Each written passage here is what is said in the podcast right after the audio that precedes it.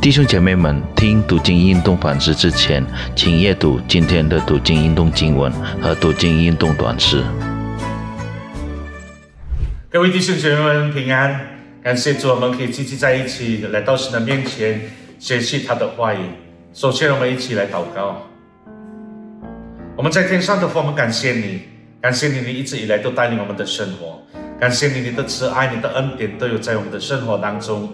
感谢你，你赐给我们有机会来到你的面前，一起来学习你的话语。求神自己对我们说话，让我们更了解、更明白你的话语。我们这样感祷告，奉开生命求的，阿门。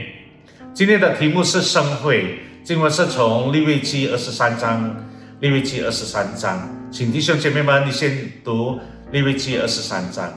从利未记二十三章那边里面，我们可以看到那个写到有七个节期。那个七个节期是耶和华吩咐他的子民要遵守的。从第三节我们可以看到，第一的安息日或是第七日是上帝子民休息的日子，上帝的子民什么工都不可做，而是要聚集在一起敬拜上帝。从第五到第六节我们可以看到第二跟第三的那边告诉我们正月十四日的逾越节，安子是正月十五日。的无交节，这七日上帝的子民要吃无交饼。第一日有盛会，子民什么劳力的工都不可做，子民要将活祭献给上帝。七日，第七日又有盛会，什么劳力的工都不可做。当罪在允许之地，要将出树的庄稼一捆，带给祭司作为摇祭献给上帝。各位弟兄姐妹们，在献摇祭的日子，要把一岁没有残疾的公绵羊羔献给上帝为反祭。同献的书记就是调油的西面以法四分之二，作为馨香的活祭献给上帝。第四的呢，就是守七七节。守七七节是在第七个安息日的次日。共计五十天，上帝的子民要取出细面以法四分之二，加酵烤成两个摇祭的饼，然后他们将一岁没有残疾的羊羔七只，公牛犊一只，公绵羊两只，作为燔祭献给上帝。他们也要献一只高山羊为赎罪祭。两只一岁的公绵羊羔成为平安祭。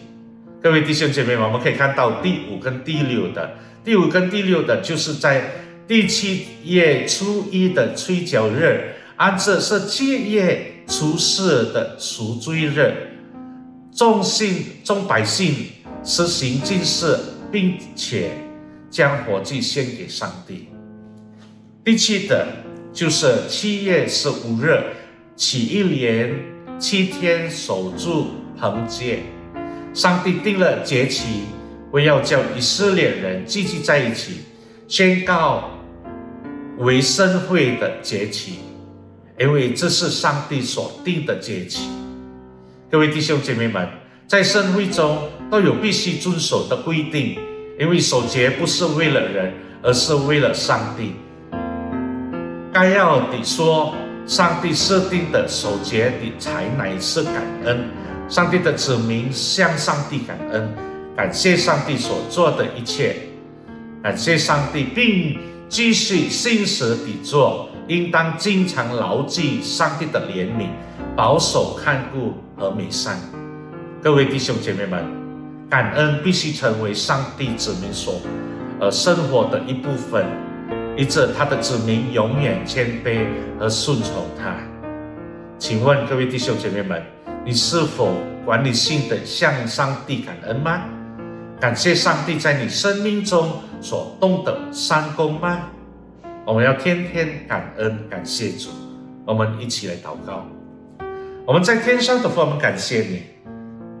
我们可以学习到，天天都是你的恩典。天天都是你的祝福，天天都是你给我们是最好的、最美善的。主啊，我们要感谢你，我们要献上我们的感恩，求神带领我们的生活。我们这样感恩祷告，奉开生命求的，阿门。上帝祝福大家。